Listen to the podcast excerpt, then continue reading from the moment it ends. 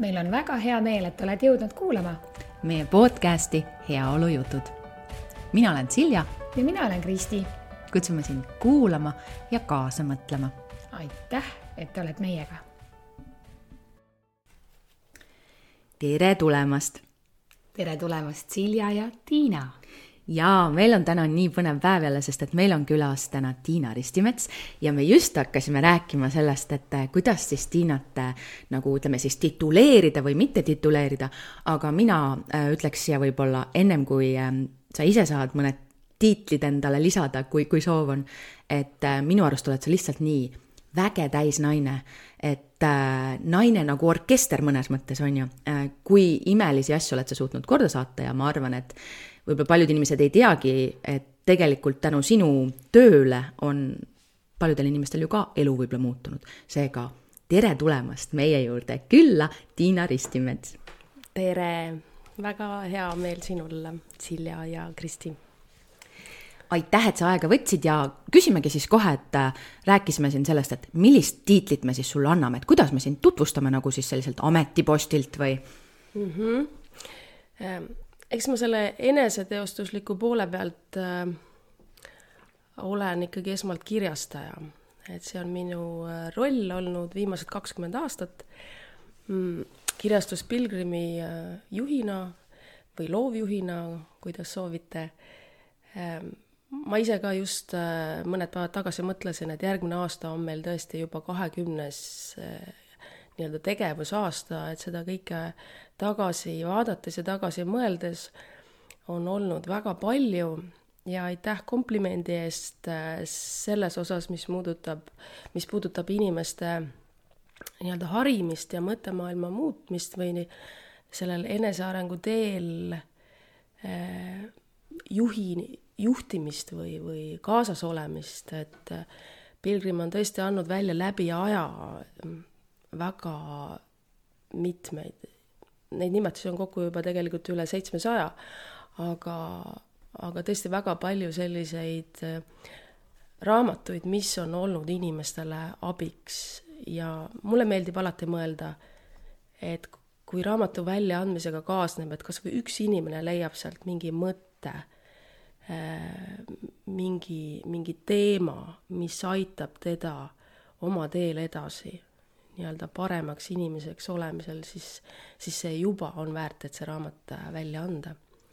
Tiina, aga äh, tõesti kakskümmend aastat on hästi pikk aeg ja, ja mina mäletan, et äh, et kui Pilgrim nagu tuli või kui need minu teadvusesse jõudsid, siis need olid niisugused huvitavad raamatud ja tead, ma päris ausalt ütlen, et ma praegu ei mäleta ühtegi, mis need esimesed raamatud olid, aga ma mäletan seda, et, et kuidagi need olid sellised põnevad ja teistsugused äh,. äkki sa praegu meenutad koos meiega, et millised olid need päris need esimesed, võib-olla esimesed mm -hmm. kolm mm? -hmm. no ma alustasin sellise kultusautoriga nagu Paulo Coelho ja sellel põhjusel on ka kirjastus Pilgrimi nimi Pilgrim sellepärast et mu esimene raamat, mis ma temaga koostöös välja andsin, oli Pilgrimage.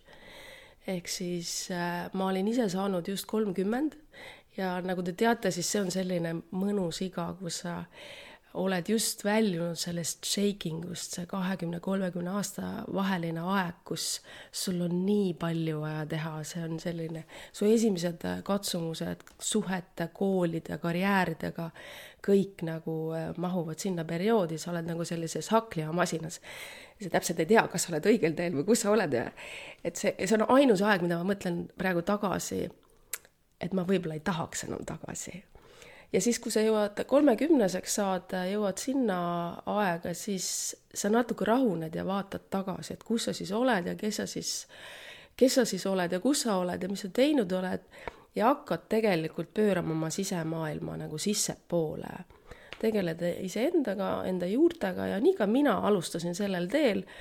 Äh, käisin, kõmpisin natuke seda Santiago Compostela teed ja leidsin selle raamatu, mõtlesin, et vau wow,, see on üliäge et kõik peavad sellest kuulma ja lugema ja hakkasin seda ka ise entusiastlikult, tead, kui silmad säravad, entusiastlikult tõlkima, ma ei ole professionaalne tõlk.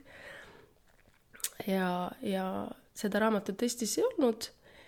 ja siis suurest entusiasmist otsisin ma siis üles selle agendi, kes seda siis esindab.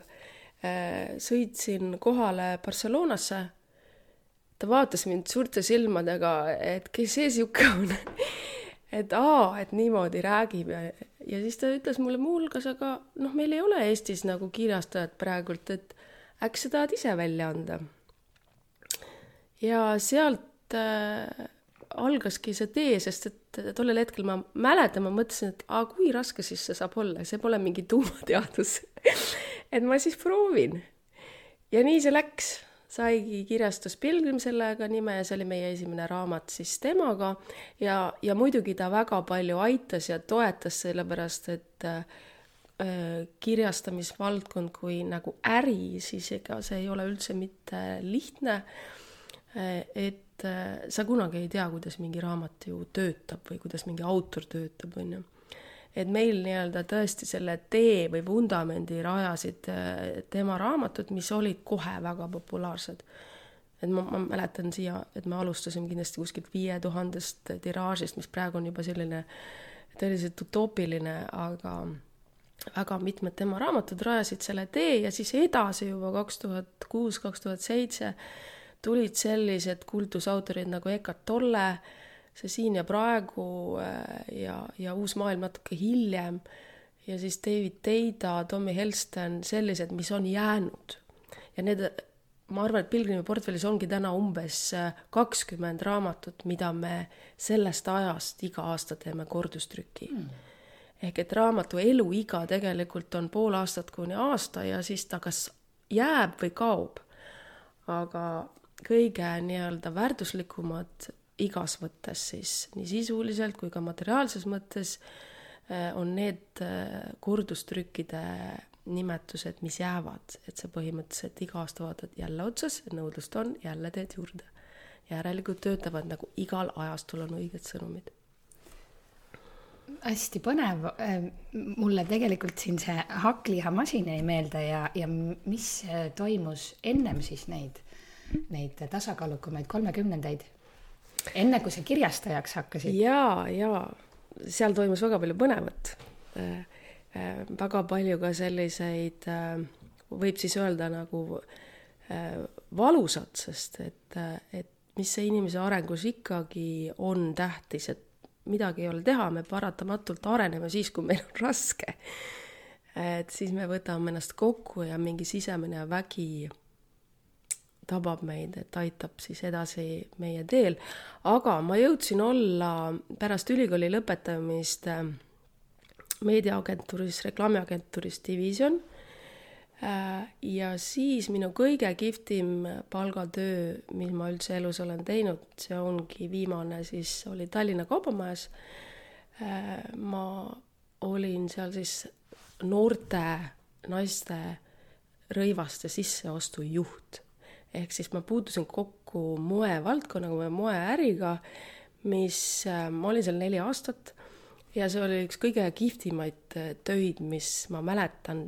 ehk siis ma, minu ülesanne oli komplekteerida kõike seda, mida noored naised äh, Tallinnas, üldse kogu Eestis kannavad, kujundada nende maitset, ma lendasin ainult mööda Euroopat ringi, erinevaid showroom'e, outlet'e, moemesse ja siis muudkui komplekteerisin neid kollektsioone ma mäletan väga hästi, mul oli eh, tookord Eesti krooni aeg siis umbes viisteist miljonit EQ oli eelarve ja ma pidin selle täis ostma. ehk siis ma siis shoppasin ja ma shoppasin kõigile, shoppasin kõigile, aga sain ka ise sellest tohutu emotsionaalse nagu laengu. ja mis see arendas, see arendas minus väga kiiret ähm, sellist selektsioonivõimet, sest aega oli vähe loomulikult see arendas minus äh, igasugust kunsti ja maitsemeelt, eks, mis on kõik siis äh, minu tuleviku ettevõtmistes mulle väga palju äh, kasu toonud, ehk et see, millised näevad välja raamatukaaned, kuidas neid turundada, et, et nad oleksid maitsekad, et see kõik tegelikult peab äh, olema õigesti nagu see pusle kokku minema ehk et need kaks osa nii-öelda eneseteostuslikult olid äh, väga põnevad töökogemused, mis aitasid siis edasi.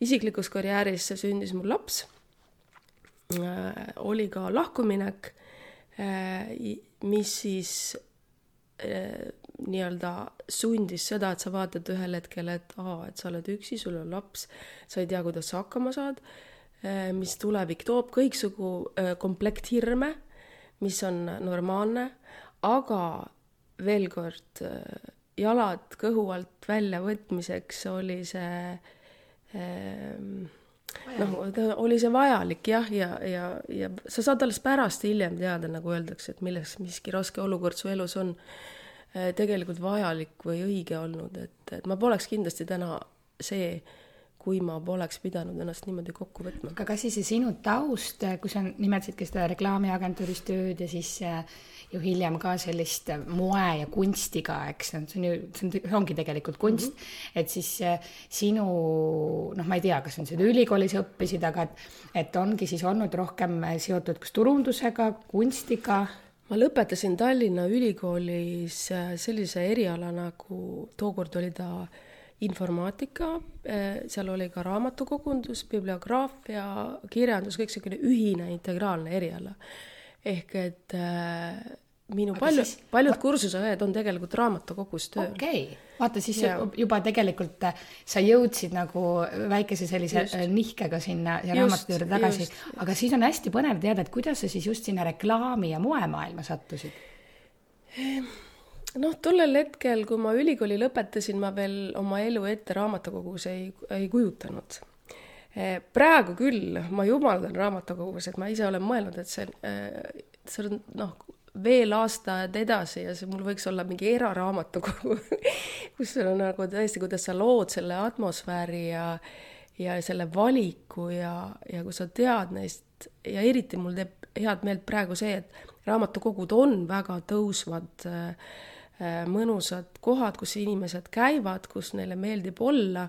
meil oli kirjastuse kontor äh, väga kaua aastaid, üle kümne aasta äh, Tallinna või selles Rahvusraamatukogus ja ma nägin seda nii-öelda seda raamatute mekat seestpoolt küll nii-öelda oma väikese äri äh, najal, aga aga jah, et ma ei välista seda, kui, kui see formaat on nagu õige, aga tollel ajal see veel ei olnud selline.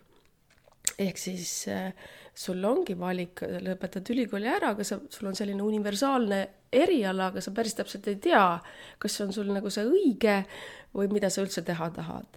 Ja nii praegu ka noortele, kui ma seal Rocca al Mare koolis annan valikkursust Hüvasti kool Tere ellu, siis, siis ma soovitan, et kui sa täpselt ei tea, et sa tahad arstiks või advokaadiks või lennukipiloodiks, mis on sellised väga konkreetsed, jõulised eh, elukutsed või kindlad valikud, kui sa ei tea, et sa nendeks tahad saada, siis proovi erinevaid asju.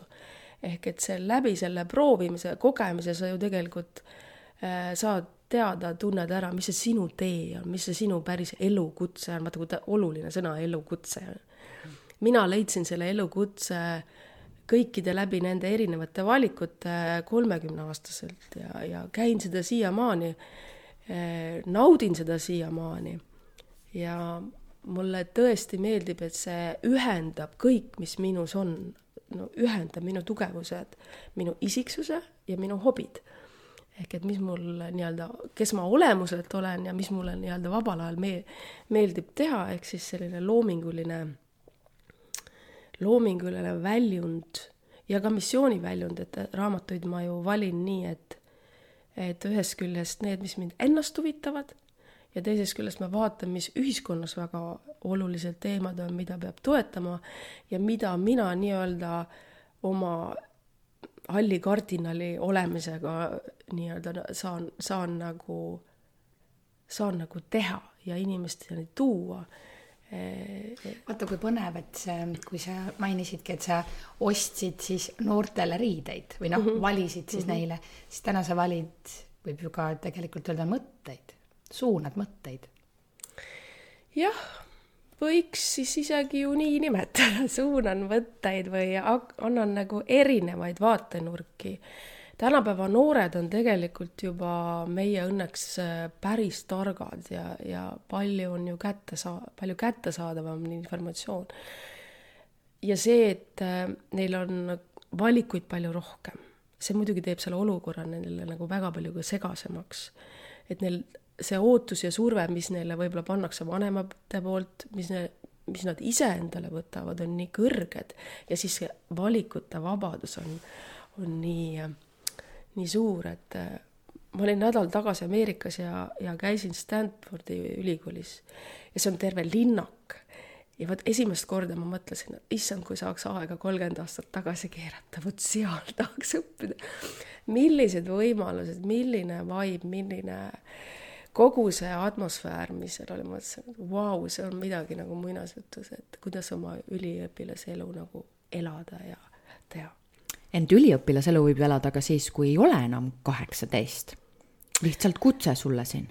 Jaa, muidugi, aga, aga ma ega, nagu ma sulle ütlesin, ma peangi ennast nagu osaliselt eluõppijaks, olen õppinud läbi elu, et hiljem, kui ma oma nii-öelda palgatöö erinevad valdkonnad läbi käisin ja ülikooli lõpetasin, siis ma olen ju õppinud ka veel majandusmagistratuuris ja käinud läbi kaks psühholoogiaalast nii-öelda mm, suurt tervikkursust siis, eks, nii, nii professionaalse psühholoogia erakool kahe tuhandete keskel ja nüüd holistiline instituut, eks ju, see on ka neli aastat, et need on erinevad äh, lähenemised ja tehnikad ja metoodikad, aga psühholoogia on mind eluaeg huvitanud ja tollel hetkel, kui ma valisin Tallinna Ülikooli, siis sellel aastal lihtsalt ei olnud ülikooli äh, sisseastumisvõimalust.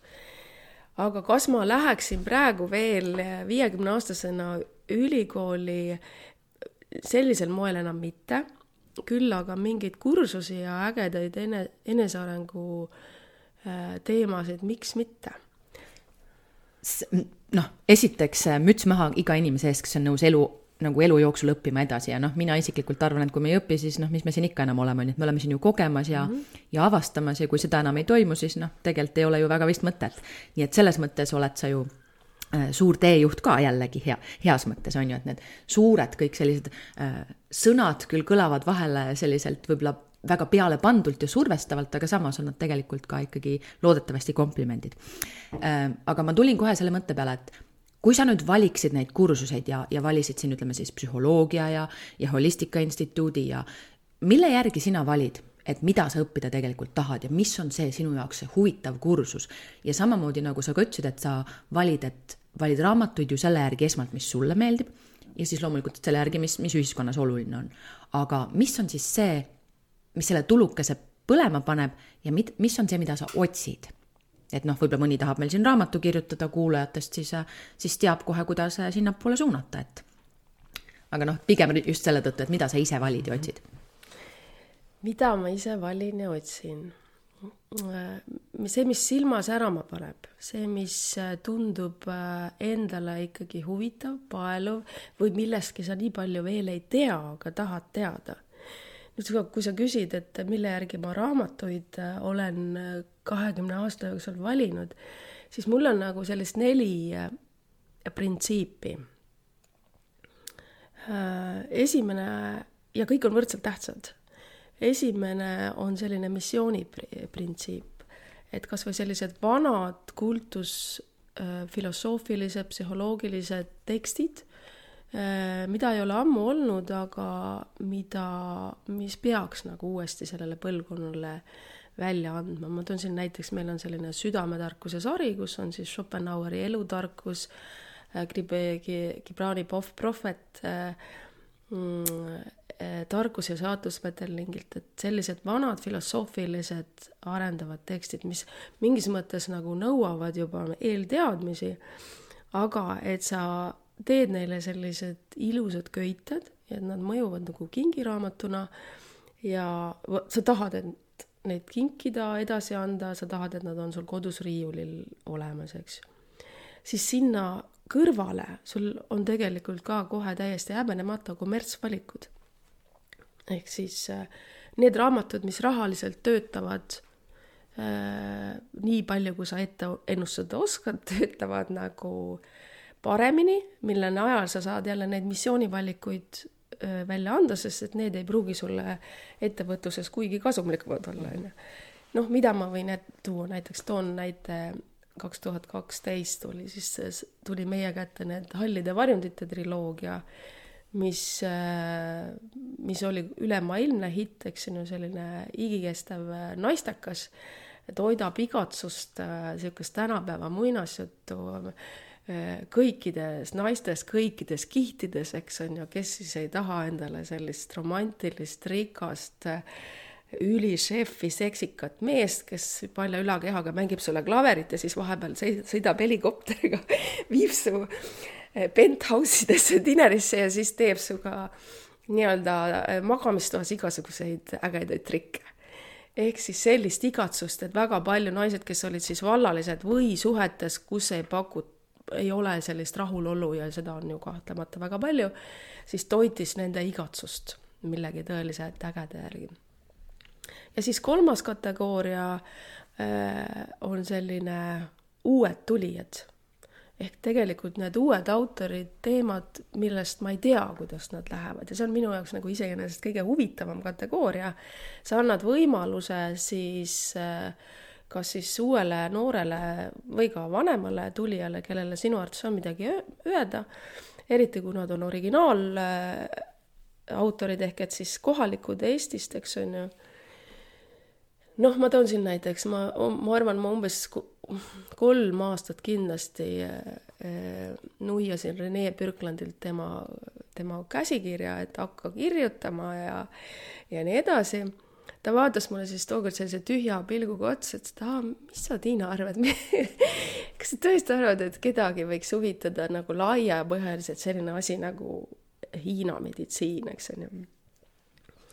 no lõpuks ma sain ta ikkagi nii kaugele, et ta pani oma teadmised kirja ja vau wow,, meil on selline kogemus, et ma arvan, et ma tegin kordustrükki ennem, kui see uus trükk välja jõudis. ja isegi kaks raamatut on ju. ja kaks raamatut. mul on mõlemad olemas, vist oh,. väga tubli ja väga loodan, et järgmine aasta tuleb kolmas. Eh, ta on tükk aega mõelnud teemat, millest kirjutada, eks on ju et eh, Rene on selline hea näide, kus kõik on võimalik ja kus kõik asjad lähevad õigesti autor seal taga, eks on ju, sümpaatne, likviidne, teaduspõhine meditsiin, alternatiivmeditsiin, teadmised, äh, teema õige, pealkiri õige, kõik on õige ja, ja siis see töötab. ja neljas kategooria on siis need toimivad autorid ja tõlkeautorid, kes äh, on juhtunud meie kätte, noh, juhtunud, ma olen valinud nad sinna, noh, needsamad Eckart Tolle ja, ja ja palju ka selliseid uusi, uusi äh, tõlkeautorid, kellele sa annad võimaluse, sa nii, nii palju ei tunne seal autorit, kuivõrd seda teemat, eks on ju, et see teema võiks, võiks töötada ja ta jääb turule ja, ja ta teeb sellise mõnusa, mõõduka tulemuse. ja need on tegelikult selline püsi, kuidas öelda, leib laual või et ülejäänud, aga kõik kategooriad peavad olema nagu võrdsetes valikuvõimalustest ja alustel. ja siis moodustub tasakaal. ehk et hingeline, emotsionaalne, materiaalne, loov, kõik, mis on tähtis, et üks ette, ettevõtlus nagu töötaks see on nii vahva, et sa tõid siia praegu kokku selle, et see hingeline, materiaalne, loov ja oot, mis see neljas oli? Hingeline, materiaalne, loov. emotsionaalne. emotsionaalne, issand, kuidas see nüüd meelest ära läks ähm,. et sa ja, ja sa ütlesid sinna lõppu, et see kõik on, mis peaks tegelikult ühel toimival, ütleme siis firmal äh, äril olema nii äge, et sa seda mainid, sest et äh, me oleme siin ka rääkinud igasuguste inimestega, on ju, ja, ja alati tuleb kuidagi see juurde, et kui see emotsionaalsus ja hingelisus ka seal selles äris tegelikult ikkagi sees on, siis see asi töötab mm -hmm. ja, ja veab. et kuidas sina ise jõudsid enda selle nõndanimetatud tasakaaluni ja me ei pea ainult rääkima sellest, et kuidas siis see äris see tasakaal tuli, et aga kui sind nüüd vaadata kõrvalt lihtsalt siin, ma saan aru, et meie kuulaja sind kõrvalt ei näe, aga sa lausa õhkad sellist rahu ja sellist, just võib, võib-olla see tasakaal ongi hea sõna, et sellist tasakaalu, kuidas sina selleni jõudsid, nii töös kui ka siis äh, tundub, et enda sees?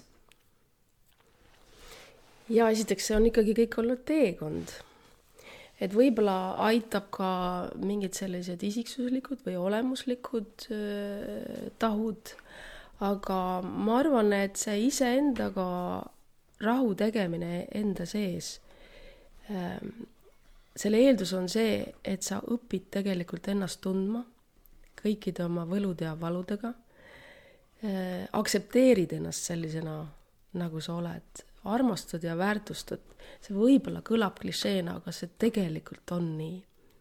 ehk et ma olen äh, iseenda kõige suurem sõber ja ma olen ikkagi äh, oma teel äh, saanud teada, tuttavaks iseendaga.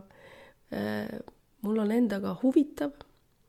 ma ei nüpelda ennast mingites olukordades, kui võib-olla kõik ei lähe õigesti või ma, või ma teen ka võib-olla mingisuguseid valesid valikuid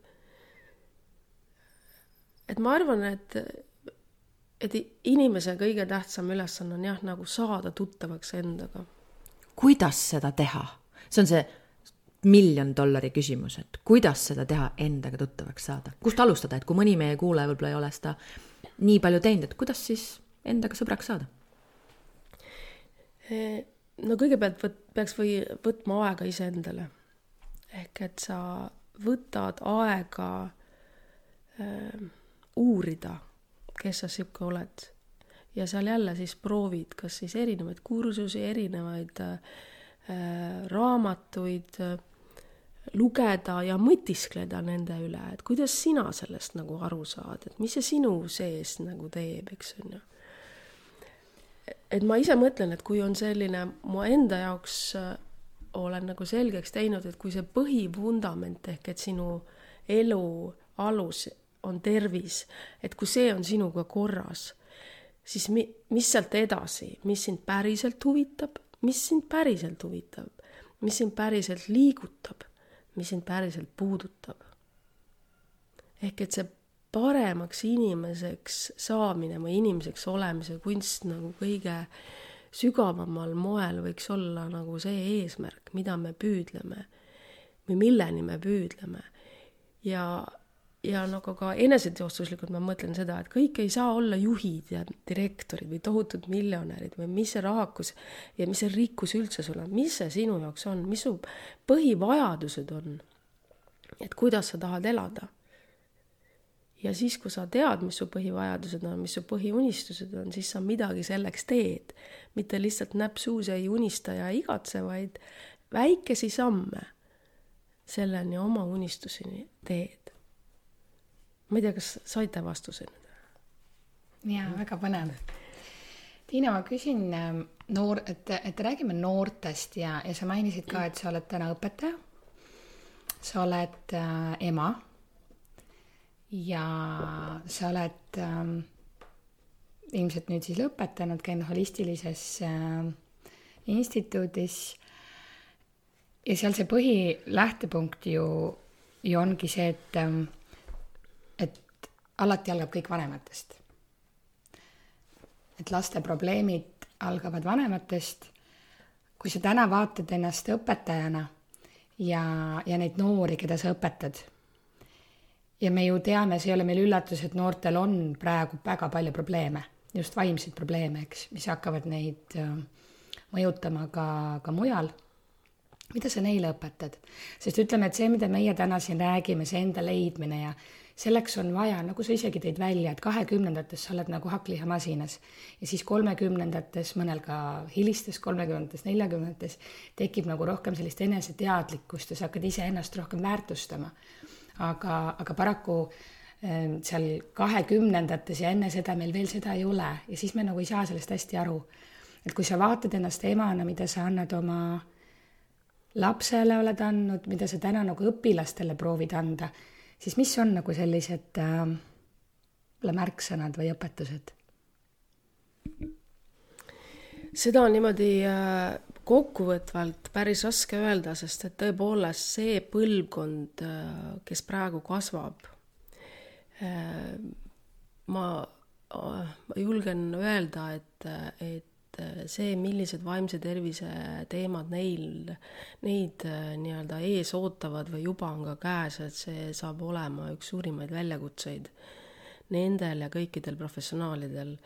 et see digiajastu suur mull ja pealetung ja mis tähendab seda, et neil täna juba on keskendumise häired, tähelepanuhäired ja vanemad seal kodus samamoodi on kogu selles nutimaailmas sees, et nad näevad seda eeskuju.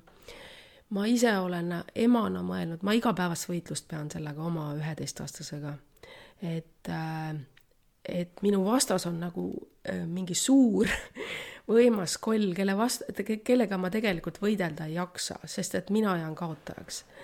küll aga saan ma tasakaalustada seda.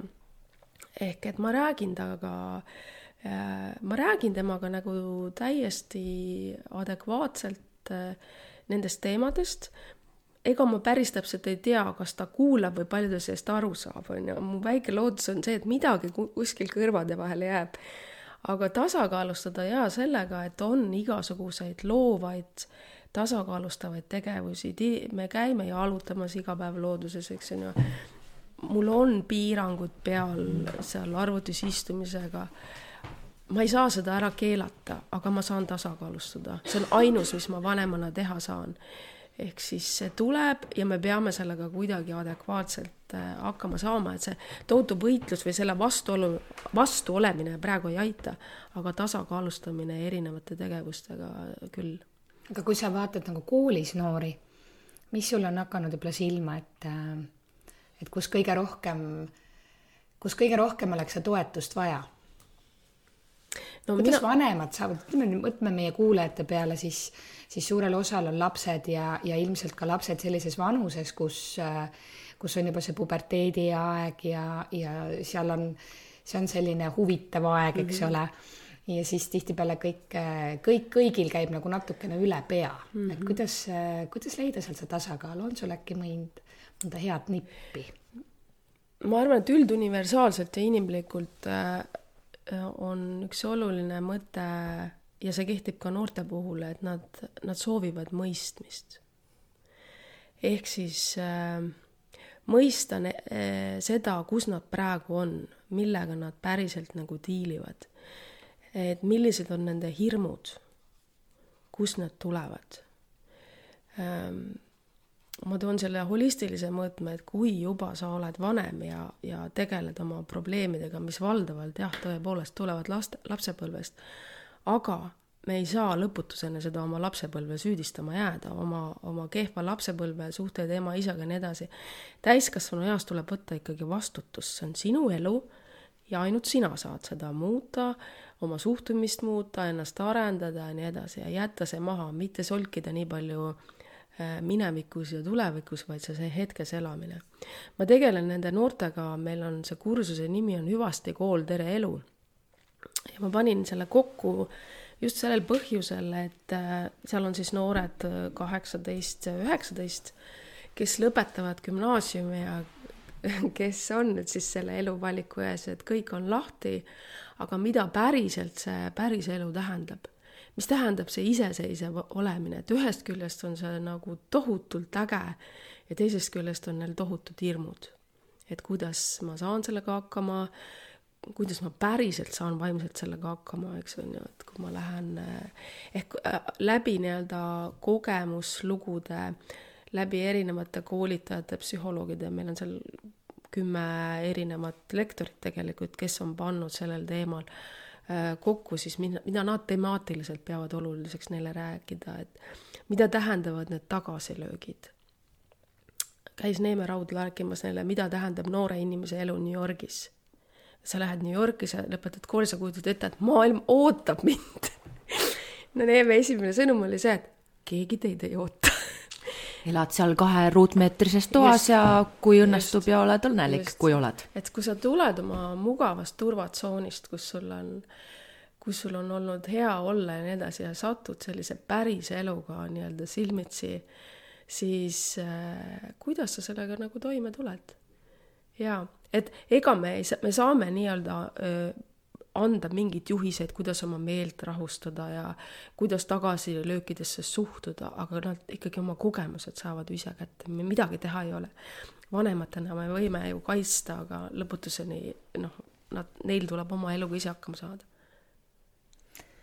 muidugi, kõik me siin jällegi tuleme tagasi selle juurde, et oleme ikka kogemus, on ju äh,. räägi, sa ütlesid, et äh, nendel noortel on, on hirmud, üks asi, et on hirmud, teine asi on need lootused ja ootused. Kas sinul on ka veel mingisugused hirmud? enesega seotult äh, minu ma enda valitud maailmas ei ole. vägev, kuidas sa selleni jõudsid? tead, äh, jällegi äh, äh, sellise pika teekonna tulemusena, et mul on unistused, mul on veel unistused, aga mul ei ole enam hirme. kui, kui hirmud on, siis need on nagu makromaailmas, et see, mis toimub väljaspool mind meil täna maailmas seal, kus on sõda, kus, kus on asjad, mida mina indiviidina mõjutada ei saa ehk et praegu on ka see, et neid sõjauudiseid on nii palju ja inimesed on väga ärevad, et jah, sa pead olema kursis, mis maailmas toimub, aga kui palju sa seda enda sisse lased. et seal ma olen teinud väga selge otsuse vaadata seda asja targalt äh, distantsilt ja, ja siis teha otsuseid, kui on päriselt vaja teha otsuseid, on ju. või kui Covid algas ja näiteks raamatupoed pandi kinni siis ma korra mõtlesin, et aa, okei okay,, mis nüüd saab, eks. Ja ma mõtlesin äh, läbi selle plaani, et mis on minu äh,, kuidas öelda, võimalused ja kohustused. ja kui ma selle olin nagu endale selgeks teinud, siis ma sain aru, et ma saan hakkama. et ükskõik, mis tuleb, siis ma saan, saan hakkama. ja see kohutavalt rahustas mind ehk see teadlikkus, et sa oled võib-olla pika aja jooksul osanud oma elu niimoodi elada, et sa saad hakkama siis, kui mingi osa maailmast võetakse ära. et see, sa ei ole enam põlvili või kuidas siis nagu öeldakse. ja ma olen sellest loomulikult tohutult tänulik, et ärme unusta seda, et äh, igapäevane tänulikkus selle üle, äh, kuidas su elu on läinud, mis su elus praegu on, on ja, ja see täidab ja võib-olla rahustabki seda, et ei ole hirme enam, jah. see on nii tore koht, ma arvan, kus olla, et kui sul ei ole hirme nagu, just nagu sa ütlesid, selle mikromaailma mm -hmm. suhtes, et mis mu enda sees on, et kõik, mis ma avastan, see on nii, nagu on ja ma siis tegelen sellega. ja mis ma siit hästi kuulsin ka sinu jutust, on see, et sul on siiski väga hea analüüsivõime, sa suudad hetkes olla ja sa oled väga paindlik et sa ei ole kinni jäänud sellesse, et mis mul peab olema ja nagu me siin sinuga tegelikult ennem toredasti rääkisime, siis sa ütlesid, et, et mul ei pea enam midagi olema, et mul on need valikuvõimalused ja ma teen seda, mida ma ise soovin mm. -hmm. et, et see jääb minu jaoks ka siit kõlama, et sa oled väga paindlik. ehk siis sa mõistad, mis on praegune hetk, mis see sinu jaoks tähendab ja kui sa tahad kuhugi jõuda, siis sa valid selle tee ja siis läbi selle, et nii paindlik, kui sa pead siis olema, sest nagu me aru saame, et ega puud ka, kui ta hakkab, me just näeme teinekord, linnas kasvab puu läbi mingi, ma ei tea, kas äh, asfaldi või, või maja seina, on ju mm. -hmm. näitab puu paindlikkust. tahab kasvada, siis leiab teekonna. et äh, mida ma veel just tahangi välja tuua, on see, et äh, sinu jutust kõlab just täpselt see, ma ei pea kõigega kaasa minema, ma valin, mis on mulle oluline ja siis ma liigun nii, et see teeb mulle head aga et siiski ma liigun oma unistuste suunas. kas ma sain sinust enam-vähem õigesti aru? jaa, täpselt see mõõde, kui see nii-öelda sõna pean muutub tahan vormiks. Ähm, see on tohutu privileeg olla selles, selles kohas või teadvustatult olla selles kohas, et, et sa oled vaba, hingeliselt vaba äh, üldse oma elus vaba, vaba tegema valikuid, mida sa teed, kui palju sa teed, kellega sa teed, kus sa teed. et ähm, jaa, selles kohas olemine, mul kuidagi see, see ei ole kuidagi uhkustamine või, või mingi seda tüüpi üleolev mõõde, aga selline rahulik, alandlik, analüüsiv osa elust ja mis toob kaasa tohutu tänulikkusega. et selles mõttes sa, sa ütlesid jaa, et see paindlikkus ähm,, kohanemisoskus on üks tähtsamaid oskusi elus, kohaneda olukordadega mulle jäi kõlama, et sa mainisid, et äh, kahetsemisest ja, ja et isegi kui on elus asju, mida sa kahetsed, kas sa oled nõus meiega midagi jagama? midagi, mida sa täna võid öelda, et vot seda ma oleks teinud teisiti või seda ma kahetsen?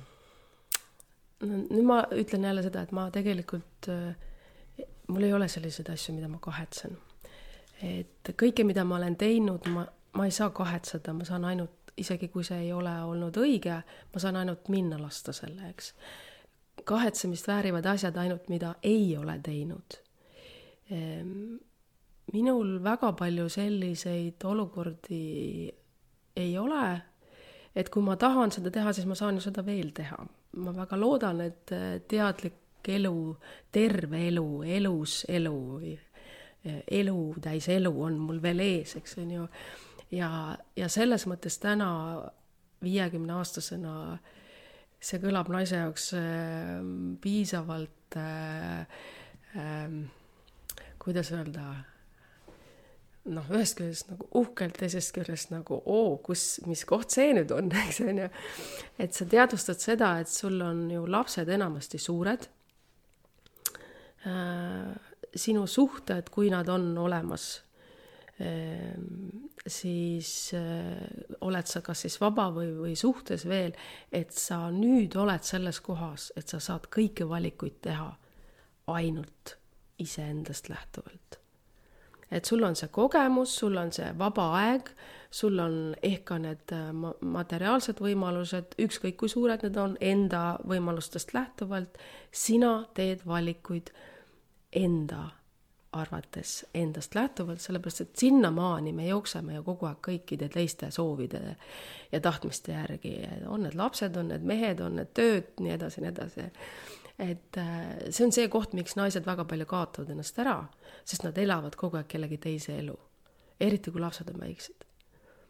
et nad seavad ennast tagaplaanile ja see on mingil perioodil äh, ka normaalne, aga siis tuleb jälle enda juurde tagasi tulla. Sest kui sa seda ei tee, siis sa hääbud. ja vot siis hakkavad juba tulema nii emotsionaalsed kui ka füüsilised äh, traumad, haigused, äh, mis mõjutavad rohkem, kui, kui me arvata oskame. kas ma saan õigesti aru, et sul on kaks last mm? -hmm. ja nüüd, kui sa võrdled iseennast emana, just äh, minnes tagasi nüüd sellele, mida sa just meiega jagasid, et kuidas sa olid siis seal kahekümnendates emana ja, ja nüüd siis äh, hilisemal perioodil emana. mida ma just tahaksin kuulda, on see, et, mhm. et see iseenda ärakaotamine justkui on väiksed lapsed mm. -hmm. et nüüd, kui sa oled nagu palju teadlikum olnud, et kas sa nüüd siis selle teise lapsega, noorema lapsega kaotasid iseennast vähem ära?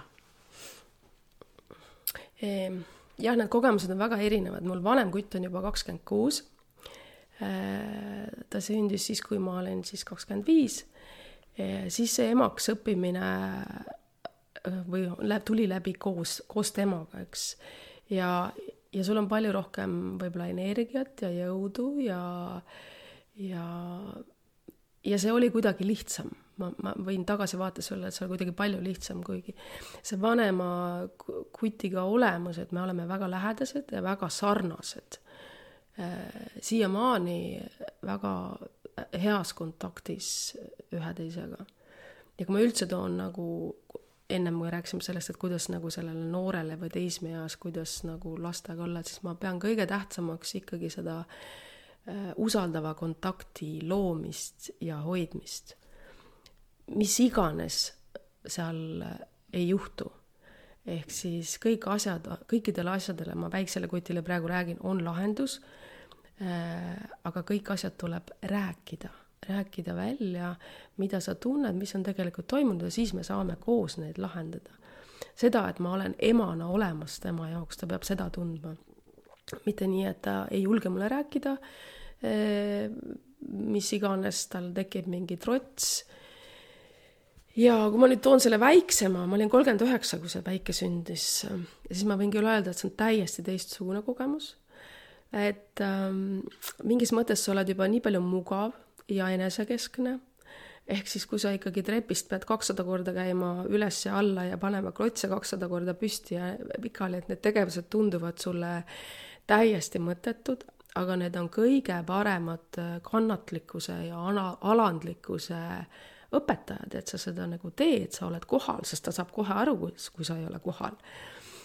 Mis siis, et see tundub sulle nagu igi, igav ja õudne tegevus aga, aga seda tuleb teha. aga nüüd väikese puhul ka, meil on tohutult äh, lähedane emotsionaalne kontakt. aga ta, me oleme väga erinevad. tema on küll see, kes on tulnud siia minu ellu selleks, et ma ei laskuks mitte mingisugusesse mugavustsooni ta õpetab mind absoluutselt iga elu, iga päev. Ehk et meil on see täiesti selgelt see piiride õppimise küsimus, et ta sõidab mulle sisse kõikide asjadega, et kui ma ei kehtesta ja kaitse ennast, on ju, ja ma ütlen, see on veel, ta on kõige lähem inimene, et sa ei saa teda lihtsalt natipidi ukse taha tõsta, et sa pead selle lahendama, et tema arusaam ta on erakordselt nutikas ja, ja suure südamega, aga väga järjekindel, et kui ta midagi tahab, siis see lihtsalt see omavaheline eh, nii-öelda, ma ei teagi, kuidas seda nimetada, see päriselt võitlus või vahel mõtlen, et me kakleme nagu vana abielupaar. me alati, et ja ta ütleb, et see on okei okay,, sest me armastame üksteist oh,. kui armas. ära õppinud, on ju. see on üks osa nagu armastuse keelest, aga need keeled ja viisid äh, on äh, täiesti erinevad, sest et meie temaga oleme väga erinevad, aga ta on tulnud mind sinna õpetama, et mõista teistsugu-, seda erinevate inimeste maailma. see eriti hirmus kombinatsioon, see järjekindel ja väga nutikas, on ju, et siis läheb kust iganes kohast läbi, et ja. lihtsalt nii nutti on nii palju, aga no ka tahtmine on nii ja. suur. ent mis sa arvad sellest, sa tõid välja, et, et see oli nagu palju lihtsam seal kahekümne viiesena emaks saada et võib-olla oli sellepärast lihtsam, et, et sa ei olnudki vaata veel nii nagu noh, ütleme ka teadlik, ent sa ka ei, ei seadnud nii palju võib-olla piire mm, -hmm. sest et nii nagu sa välja toodud noorema lapsega, et on selline noh, kas nüüd võimuvõitlusega, eks ole, kes keda on ju seal, et, et siis sa võtsid asju ise lihtsamalt ja, ja ei läinud võib-olla nii süvitsi ja, ja ei olnud niivõrd palju ka selliseid piiranguid ja seetõttu oli lihtsam ei oska öelda jah, nad on ka, ma ütlen, isiksuslikult, olemuslikult väga erinevad poisid, keda ma mõlemad kohutavalt armastan, aga lihtsalt mõlemaga on eri, erinevad nagu ülesanded olnud. ja, ja võib-olla, et sa noorena, kui sa ise alles oled kujunemise teel, siis sa kujuned koos äh, lapsega, et see on nagu voolitavam või, või, või kuidagi ja veel paindlikum ja, sest sa tegelikult ei tea ju, mis on õige sa avastad seda koos, mis on õige. praegu ma arvan, noh, natuke rohkem teada, et mis on õige, aga ka mitte päris. ma, mind ikkagi väga mm, panevad mõtlema need inimesed, kes ütlevad, et ma tean, kuidas asjad käivad see kohe teeb mind ettevaatlikuks, et. ja, ja vaata. sa räägiksid nagu minu peas praegu aga vaata selleni ma tahtsingi jõuda, et, et sa tõid selle ise ka välja, et siis nagu noor võib-olla ei tea nagu täpselt, mis on õige, et nüüd sa nagu arvad ennast teadnud juba natukene rohkem, mis on õige ja siis sa vanemana ju tahad ka nagu natukene rohkem suunata sinna õige poole ja sealt tekibki seda konflikti nagu rohkem, on ju. Mhm. võimalik ja, ja et äh, jah, ühesõnaga, see on ülesanne koos kasvamisega ta näitab mulle erinevaid tahkusid, mida ma veel ei tea põnev, igapäevaselt põnev teekond mhm. mm. -hmm. ent kui me räägime igapäevasest põnevast teekonnast, siis äh, ma küsiksin siia ennem, kui me hakkame vaikselt kokku tõmbama, et äh, mis on sinu jaoks iga päev veel sellised olulised tegevused, mida sa teed, et hoida oma vaimset ja ka vaimse alla kuulub ju ka füüsiline ja emotsionaalne tervis, et, et mida sa teed enda heaks veel igapäevaselt, mis on need tegevused ja toimetused, et mis sind hoiavad mm? -hmm.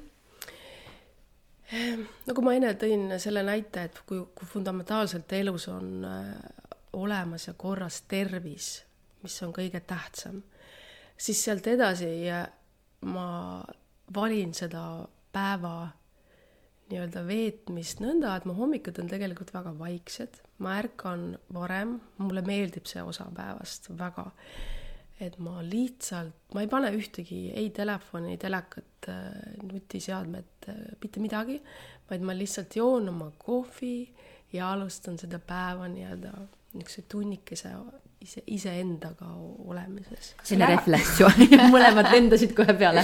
kas selline reflektsiooni aeg või siis selline pigem selline mediteeriv või mm., või lihtsalt istud ja oled, mõtled, lased kõigel tulla? just, täpselt nii, istun, olen lasen kõigil tulla, kuulan ennast, on nii-öelda eelhäälestus päevale. enne kui ma siis selle väikese üheteistaastase lähen äh, üles ajan, kes teatab mulle kindla peale esimesena, ma ei taha täna kooli minna siis sõidab see reaalelu kohe sisse ja ma pea, saan aru, et nii, nüüd hakkame koos minema ma tahtsin nüüd küsida, et kas sul on, kas sul äratuskell ilmselt seal on? Mul on, aga tihtipeale ma ärkan vara ja ärkan ilma kellata, et ma olen see hommikuinimene. kui vara see vara on? Äh, kuus, kuus viisteist, kuus kolmkümmend niimoodi.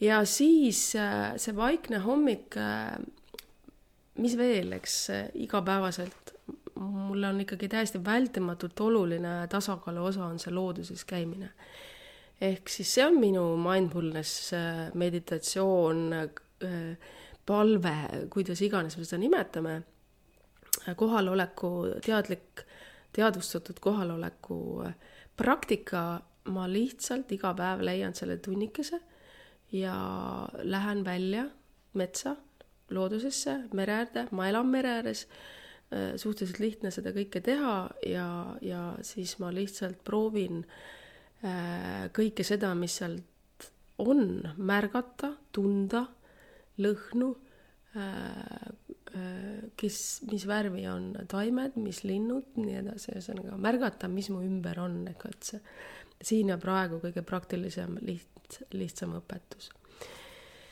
ja, ja hästi oluline mul on ikka see, et mul peab olema huvitav et see on väga huvitav nagu koht, kus ühest küljest sul on see igapäevane rutiin, mida sa vajad, et sul on nagu turvaline ja hea olla, aga teisest küljest mul peab olema eneseteostuslikult huvitav.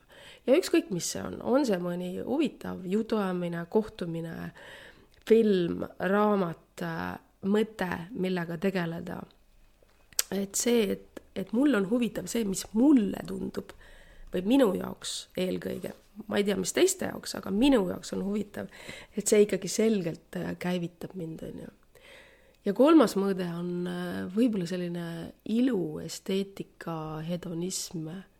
ausalt, ma ikkagi äh, arvan ka nende inimeste hulka ennast, et ilu päästab maailma, et ilusad inimesed, ilusad kohad ma, ma ei arva nagu, et see peab olema kuidagi ku-, noh, mingisuguse tohutu materiaalsete asjadega seotud, aga ilu on ju see, mis, mis igaühe silmades on, eks, et ilus peab olema olla ja, ja selline mugav, võib-olla nüüd ma olen küll sellises eas, et, et ma ega väga seljakotiga kuhugi enam nagu backpackerina reisima ei lähe, et ma tahan mugavusi.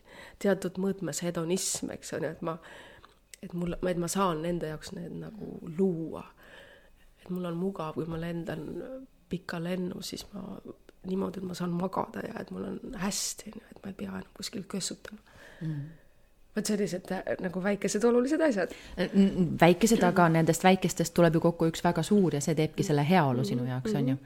sa mainisid, et sinu jaoks peab põnev olema mm. -hmm oskad sa meile soovitada mõnda kas põnevat, noh, kindlasti raamatut äh, ja sinna juurde, kui sa tahad, võid ka muidugi mõt-, mitu raamatut soovitada, ent äh, ka sa ütlesid, mainisid film ja, ja soovita meile mõned sellised huvitavad asjad, mida meie kuulaja ja mida meie siin Kristiga võib-olla võiksime kogeda. Nojah, ma mõtlen siis ikkagi eelkõige raamatute valdkonnas on ju, et ähm, ja noh, see, mis on põnev, see on iga inimese jaoks erinev, põnevus võib olla triller või, või krimi, eks. me lähme täitsa sinu pealt. minu pealt, jah mm,. üks viimase äh, aja, ma räägin ühe New Yorgi loo, mis näitab sünkroonsust ja mis mulle endale tohutus, tohutult cool toimus või noh, tundus, et äh, me olime lennukis ja äh, ja siis Neeme Raud andis mulle ühe Ethan Hawke'i raamatu, ta on, eks ole, filminäitleja, kunagine Uma Thurmani abikaasa ja elab New Yorgis. Ja Neeme oli ostnud selle sellel põhjusel, et ta elab New Yorgis, et ta kirjeldab nagu New Yorki selles raamatus. Ehm, ja siis, et, et loe nii, et saad New Yorgist natuke rohkem teada. Ja siis ma lugesin ja see lugu ikkagi on inglise keeles, eks veel, ja, ja pigem sellest äh, nii-öelda autobiograafiline, et kuidas üks noor näitleja läheb New Yorki ja üritab Broadway'l läbi lüüa, käib erinevatel casting utel ja siis kuidas äh, see teda mõjutab ja kuidas see mõjutab tema suhted, eks on ju, abielu puruneb ja kogu see siis asi on ju sinna juurde. äh, lugesin selle läbi, suhteliselt lühike raamat ja, ja mõtlesin, et oo jaa, et võib-olla tõesti võiks eesti keeles ka välja anda, nii. Ja järgmine päev siis, äh, kui ma New Yorgis hotellis ärkasin, vara, vaata ajavahe on ja läksin äh, hommikukohvi hankima tänavale kuskile on ju, üks prantsuse hommikusöögi koht siis. ühesõnaga ma keerasin sinna sisse, keerasin otse siis Ethan Hawke'ile kõhtu. ehk et tema sattus olema ka just nimelt sellel ajal selles kohas ja et me mõlemased, mõlemad nii-öelda äh, ütlesime sorry ja ilmselt mina ka kergelt punastasin, mõtlesin, see lihtsalt ei ole võimalik, eks. Ma just lugesin su raamatut e-, eile lennukis on ja, ja, ja noh, selline tragikoomiline situatsioon, aga milles ma kindlasti nagu ütlen, et selles on nagu mingi sünkroonsus. siis ma sain aru, et jaa, selge, mul tuleb see raamat teha. Et, et kas see on põnev, aga põnev on selle eellugu, eks on ju vaatame, äh, igatahes õigused ma endale nüüd äh, ostsin, ehk siis järgmine kevad tuleb välja, siis saame uuesti sellel teemal rääkida. kuule, nii põnev, kas sa ütlesid talle ma ei tea, kas nüüd siis. küll ma pärast mõtlesin, ma oleks võinud kõike öelda, et kuule, ma olen ka sinu Estonia publisher, maybe et igasuguseid asju oleks võinud öelda, aga sa pärast siis targutadki enda eest, et oh jummel, sa oleks võinud öelda igasuguseid asju, onju. aga noh, see oli niisugune mm. situatsioonikoomika ja hetk hetkeks äh,. aga väga tore sünkroonsus sellegipoolest, aga ma soovitan, ähm, kuna ma käisin nüüd ka San Franciscos ja, ja siis Silicon Valley's ja meil tuleb Steve Jürgensoniga äh,, kes siis on teatavasti Silicon Valley's üks ikkagi väga suur tegija äh,. ka sügisel raamat, aga seotud siis Silicon Valley'ga kaks tuhat viisteist, kui ma käisin Ingrid Peegiga seal siis me kohtusime äh, Urmas Põrdaga, kes äh, kahjuks täna meie seast on lahkunud äh, mõned nädalad tagasi. Ähm, tema oli just siis oma Pipedrive'i toomas Silicon Valley'sse, elas perega seal. ja Urmase raamat Vaba langemine, mm, mis ilmus nüüd sügisel, on küll üks raamat, mida ma mõtisklusena soovitan väga hea meeldetuletus ikkagi sellest, et, äh, et meil võib kõik olemas olla. aga kui meil ei ole tervist, siis meil ei ole mitte midagi. ehk et see on ainus asi, mida raha eest osta ei saa, noh, loomulikult ka mitte armastus, eks on ju, aga tervis, kui me mõtleme nendes mõõtmetes, siis Urmas oli küll selline inimene,